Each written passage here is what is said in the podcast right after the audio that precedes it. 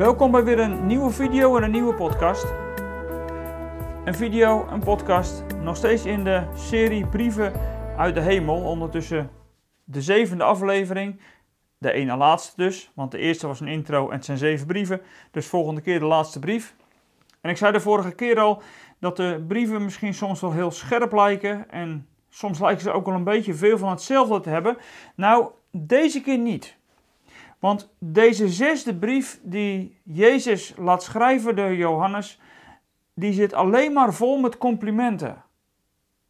En daar worden we natuurlijk ook wel op zijn tijd gewoon eens een keer blij van.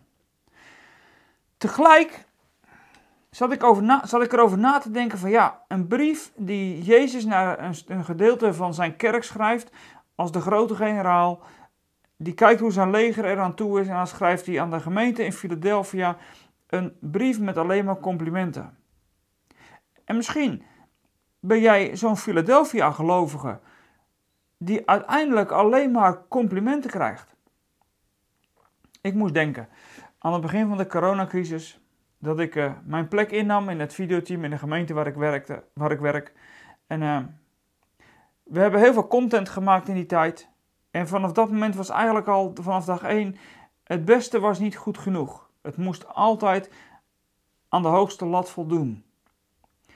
Niet per se perfectionisme, maar wat we wilden doen om de gemeente te blijven betrekken, dat wilden we goed doen.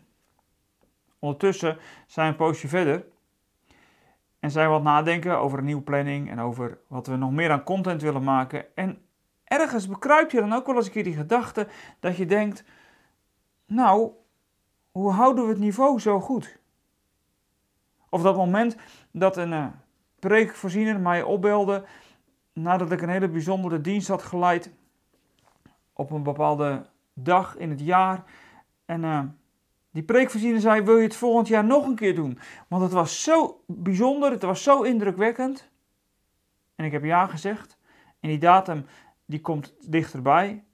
En ondertussen bedenk ik me ook wel eens, ja, dat kan indrukwekkend en mooi geweest zijn. Maar eigenlijk is het risico dat de volgende dienst dus minder is, die is misschien wel groter als dat ik daar nog bovenuit zou stijgen.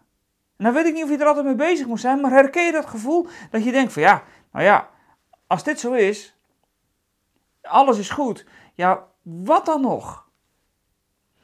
Nou, ik denk dat dat in die gemeente van Philadelphia niet per se een rol is gaan spelen na die bijzondere brief die Jezus door Johannes laat schrijven.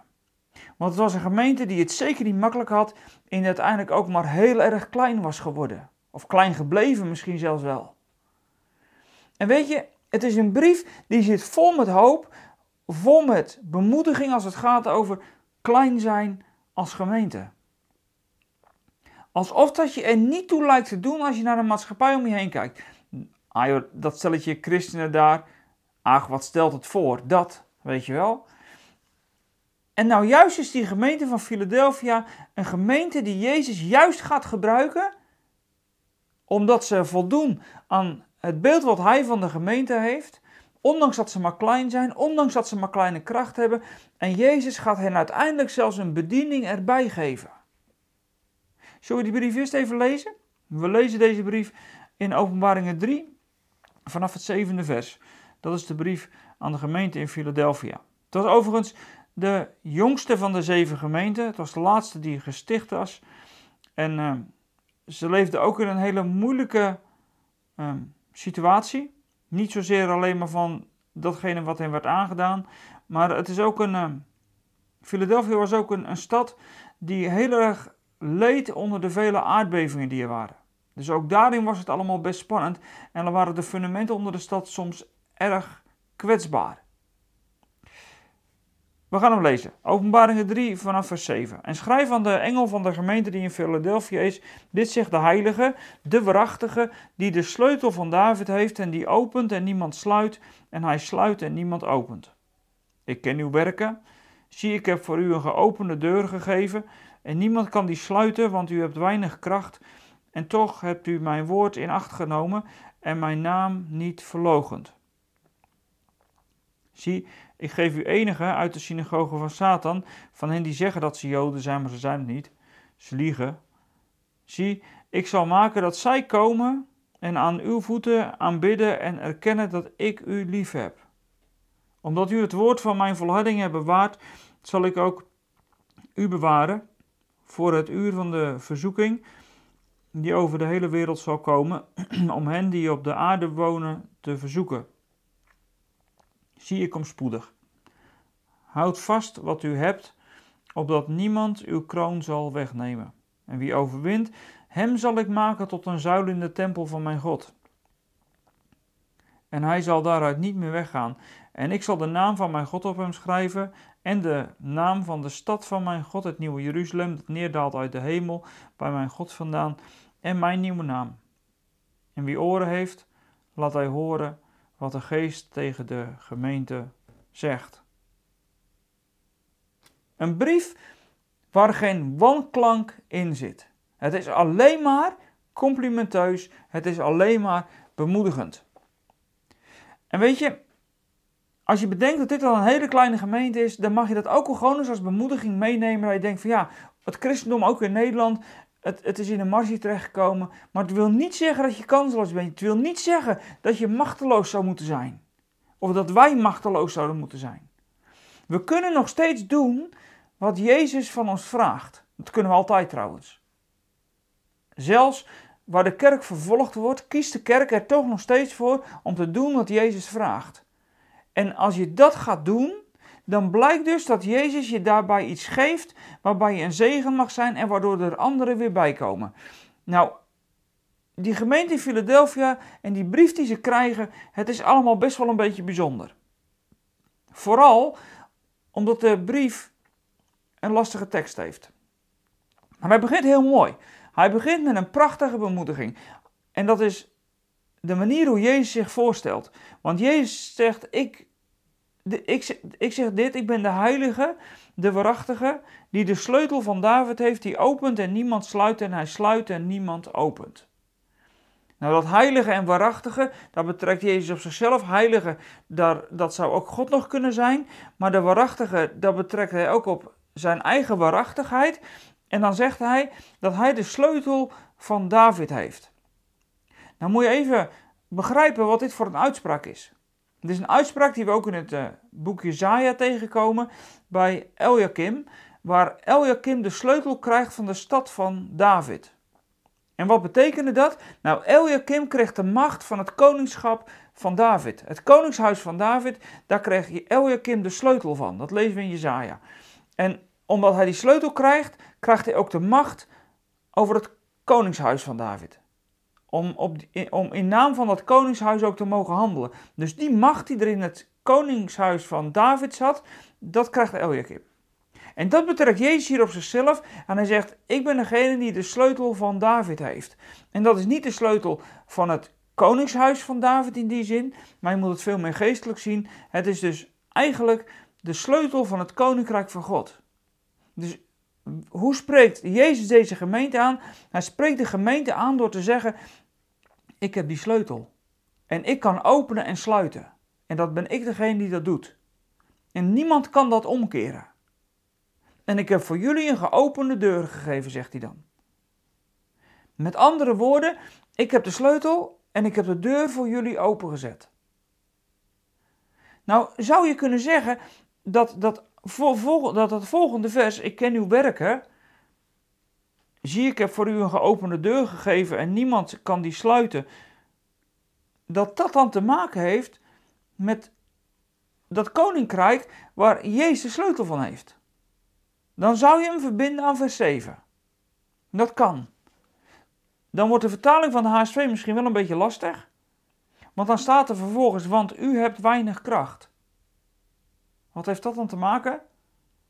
Met die sleutel die, die Jezus heeft, waarmee het koninkrijk is geopend. Wat heeft dat met de weinige kracht of met het kleine van de gemeente te maken? Alsof dat het kleine van de gemeente beloond zou worden. Dus hij is een beetje lastig. Voel je me aan dat deze tekst niet zo eenvoudig is? Maar als je dan kijkt wat hij daar zegt, zie ik heb voor, voor uw ogen een geopende deur gegeven en niemand kan die sluiten, want, want u hebt weinig kracht.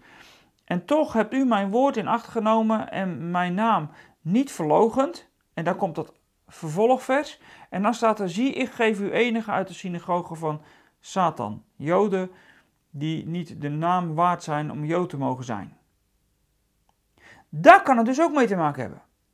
Het kan er dus ook mee te maken hebben dat de deur die geopend is voor die gemeente in Philadelphia, dat dat de deur is om te evangeliseren, om te getuigen, waardoor dat die, nou ja, die nepjoden zou je bijna kunnen zeggen, die niet eens meer Jood zijn, en die komen daardoor uiteindelijk tot geloof, want het loopt uit dat zij zullen knielen. En zullen erkennen dat Jezus de gemeente van Philadelphia lief heeft. Het kan dus allebei en misschien bedoelt Jezus het ook wel gewoon allebei. Dat aan de ene kant, dat die geopende deur die we gekregen hebben, want ik heb het ook maar gewoon nu over we, want als je die gemeente van Philadelphia spiegelt naar ons toe en wij zijn inderdaad trouw aan het woord van God en we verlogen Jezus niet, want dat is het compliment wat ze eigenlijk krijgen. Ze blijven trouw, ze blijven volharden en ze verloochenen Jezus niet. Als je dat gewoon ook op ons dus betrekt, dan betekent het ook dat Jezus tegen ons zegt, zeker als je deze hele brievenserie bekijkt in het licht van de kerk uh, wereldwijd, dan zegt Jezus dus, ik heb je een geopende deur gegeven, maar waarvoor dan? Nou, die geopende deur, dat is in de eerste plaats een bemoediging dat de deur naar het koninkrijk open is. Hou dat vast. De deur naar het koninkrijk, daar heeft Jezus sleutel van. En als je trouw bent aan het woord, als je blijft volharden en als je Jezus niet verlogent, als je die drie, die, die drie dingen, als dat onderdeel is van je geestelijke bestaan, dan heeft Jezus als het ware de sleutel van het koninkrijk opengedraaid en staat de deur voor je open. En tegelijkertijd, en dat is de andere kant, en die vind ik misschien wel net zo mooi. Misschien wel omdat ik niet zo'n hele sterke Maranatha-christen ben, die altijd maar roept, Jezus, kom alsjeblieft, omdat ik nog zoveel nood hier op deze wereld zie. Maar de andere kant is er namelijk ook. Dat het misschien wel zo is dat die gemeente een hele kleine gemeente is. Niet sterk. Klein, zwak in kracht en toch trouw gebleven. Ondanks dat ze niks meer voorstellen, ondanks dat ze in de marge gedrukt zijn, of misschien nog wel onder de marge, misschien zelfs al vertrapt worden, hoe dan ook. In ieder geval, ondanks dat alles, heeft Jezus een geopende deur gegeven. Niet alleen maar naar het koninkrijk toe, maar ook een open deur naar die, naar die bediening die Jezus hen gaat geven omdat Jezus in hun trouw ziet dat hij iets aan hen kan, toevertrouwen. Ze zijn trouw aan het woord, in volharding en aan Jezus. En daarom kan Jezus iets aan hen toevertrouwen. En wat vertrouwt hij dan aan hen toe? Joden, nou ja, ze zijn het dus eigenlijk niet meer. Dat zijn er die uit de synagoge van Satan komen. Weet je, als je nou trouw bent aan Jezus, als je nou het woord vasthoudt, als je nou vasthoudt wat je hebt gekregen, als je nou blijft volharden, weet je, dan zegt Jezus vandaag tegen, dan krijg je iets bijzonders als een bediening waar jij een zegen in zult zijn. Weet je, wij hebben het heel vaak over missionair gemeente zijn. En hoe bereik je nou die en die en dat en zus? Ja, mag je voor mij allemaal over nadenken. Ik denk er ook soms echt gewoon over na. Aan de andere kant denk ik, nee. Weet je wat?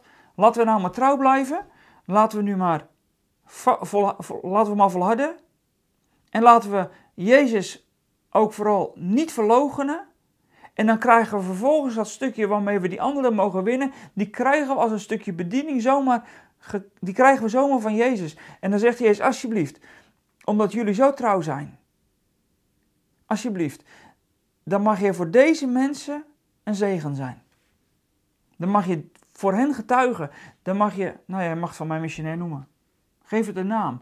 Alleen wij zijn soms heel krampachtig aan het zoeken. Hoe ben je nou zo goed mogelijk missionair? En hier zie je dat Jezus die mensen uit die synagoge van Satan, die nepjoden, die niet eens meer Jood zijn, die, krijgen, die geeft hij zomaar aan hen. Die ontvangen ze, die krijgen ze. Niet om ze te verpletteren, maar om ze er uiteindelijk dus ook bij te halen. Weet je, de manier daar hoeven ze zich niet eens druk over te maken. En dan betekent het misschien wel dat die open deur twee kanten heeft. Aan de ene kant vooruitkijkend naar het koninkrijk van God. En aan de andere kant om je heen kijkend naar datgene wat God aan jou toevertrouwd. Om daar een zegen in te zijn. Nou, dat is de boodschap, denk ik, die in Philadelphia heel erg goed gehoord wordt. En als je dat nou doet en daarmee bezig bent, dan zul je overwinnen. En wat is het voordeel van de overwinning? Of wat is de prijs van de overwinning? Wat is de beloning bij de, bij de overwinning? De beloning is deze: dat je een pilaar mag zijn in de tempel van God. Oh ja, en Jezus zei ook nog: En wat jullie trouw zijn, zal ik trouw blijven aan jullie. Dus onderweg is Jezus je beschermheer als het ware. En strakjes, als overwinningsprijs, mag je een pilaar zijn in de tempel. Misschien staat die pilaar wel juist voor deze gemeente symbool voor stabiliteit, voor fundament, voor alles wat die aardbevingen in dat gebied ervoor zorgden, waardoor het allemaal heel lastig was. Mogen zij een fundamentele plaats innemen in de tempel van God? Nee, niet letterlijk de tempel van God, maar natuurlijk straks in de hemel in die geestelijke tempel. Daar een pilaar in mogen zijn. Nee, las ik ergens. Nee, het is niet dat je een kandelaar daar bent, die kun je nog wegnemen. Maar dan mag je een pilaar zijn. En als je een pilaar wegtrekt, weet je wat er dan gebeurt? Dan stort het helemaal in. Net is wat Simpson deed toen hij in die tempel van, van die afgod daar, eh, bij die Filistijnen, die twee pilaren omvertrok, toen stortte alles in. Maar je zult een pilaar zijn in de tempel van God en je zult er nooit meer verdwijnen. Je zult onderdeel zijn van het fundament van de tempel van jouw God. Daar waar de aanbidding is, daar zul jij onder, fundamenteel onderdeel van zijn. Dat is wat hier gezegd wordt. En als je dat tot je laat doordringen, wat heb je dan een prachtige belofte gekregen? En wat is het dan de moeite waard om zelfs als je klein bent, om zelfs als je niks meer voorstelt, en dat misschien de wereld je uitspuugt en denkt van die christenen, laat ze alsjeblieft. Wat stelt het nog voor? En laten we vooral niet naar ze luisteren. Weet je, maak je niet druk. Maak je niet druk dat er niet naar je geluisterd wordt. Wees trouw. Blijf volharden. Blijf Jezus beleiden. Wat er ook gebeurt. En dan zal, zal Jezus er zelf wel voor zorgen dat je datgene naar je toegeschoven krijgt waarin jij zijn koninkrijk in mag uitbouwen. En dan strakjes ben je onderdeel van die tempel van aanbidding daar ga je nooit meer uit. Dan krijg je de naam van de God op, je, op de pilaar geschreven en de naam van het nieuwe Jeruzalem. Met andere woorden, je bent het eigendom van God, want daarom wordt zijn naam erop geschreven. Je bent de bruid van Christus, want dat is het nieuwe Jeruzalem. En de nieuwe naam van Jezus. Nou, wat die nieuwe naam is, ik weet het niet. Ik moest even denken, maar dat klopt natuurlijk niet. Als we een huwelijk, als man en vrouw in het huwelijk treden, dan neemt de vrouw de naam aan ja, van, van haar man. Ik moest daar even aan denken, maar dit kan hier natuurlijk niet, want Jezus is hier de man. Maar zoiets is het misschien wel. Ik weet het niet hoe dat zit. Ik weet niet hoe Jezus straks dan die nieuwe naam zal uitdragen die hij heeft gekregen. In ieder geval, het zal op die pilaar geschreven staan die die christen is, die trouw, volhardend, en liefdevol naar Jezus is. Zijn eigendom en zijn bruid. Daar loopt het dan straks op uit. Wat een toekomst, hè? En wat een prachtige brief als je die drie dingen, waar het juist in die andere gemeente natuurlijk altijd weer misging. Want daar ging het altijd mis. Op vasthouden aan het woord, op volharden of op de plaats die je Jezus geeft. En als dat nou oké is, dan komt er dus een brief zoals Philadelphia naar je toe vandaag. En je krijgt een open deur, een open deur naar daar en een open deur naar daar. En allebei die open deuren mag je gebruiken. Eén om het koninkrijk binnen te gaan, en ander om het koninkrijk te brengen. Totdat je straks, opgenomen in heerlijkheid, een pilaar zult zijn in die eeuwige tempel van aanbidding van jouw God. En ik hoop dat je deze boodschap, dat die zo bemoedigend voor je mag zijn, en ik hoop dat je hem doorgeeft. Ook weer aan anderen. Want deze brief doet er ook toe. En ik vond echt, en ik moet het eerlijk zeggen, die eerste vijf brieven die we gehad hebben, ik werd op een gegeven moment er een beetje bijna somber van. Weer zoveel kritiek en weer, weer afgoderij en weer dit en weer dat. En nu even deze brief. Met zo'n mooie belofte.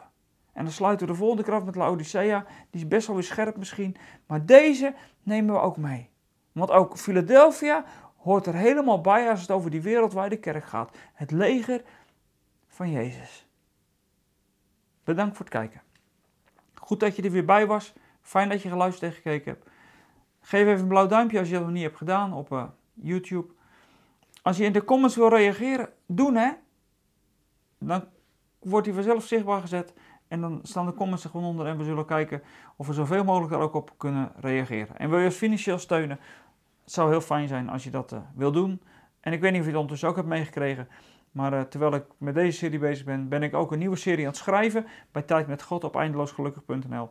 En die serie die heet uh, Gelukkig met de psalmen. Misschien moet je eens mee gaan lezen. Gewoon om eens even te zien waar, wanneer er in de psalmen het woord gelukkig of welzalig voorkomt. En wat dat nou jou te zeggen heeft. Nou goed, ik heb genoeg gezegd vandaag. Ik zou zeggen tot volgende week. Bedankt voor nu.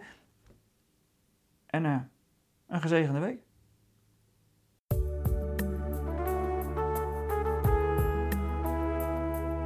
Zijn er weer aan het einde van deze podcast. Spreken deze podcast je aan en wil je ons met de gift ondersteunen? Kijk dan voor meer informatie op www.eindeloosgelukkig.nl/podcast.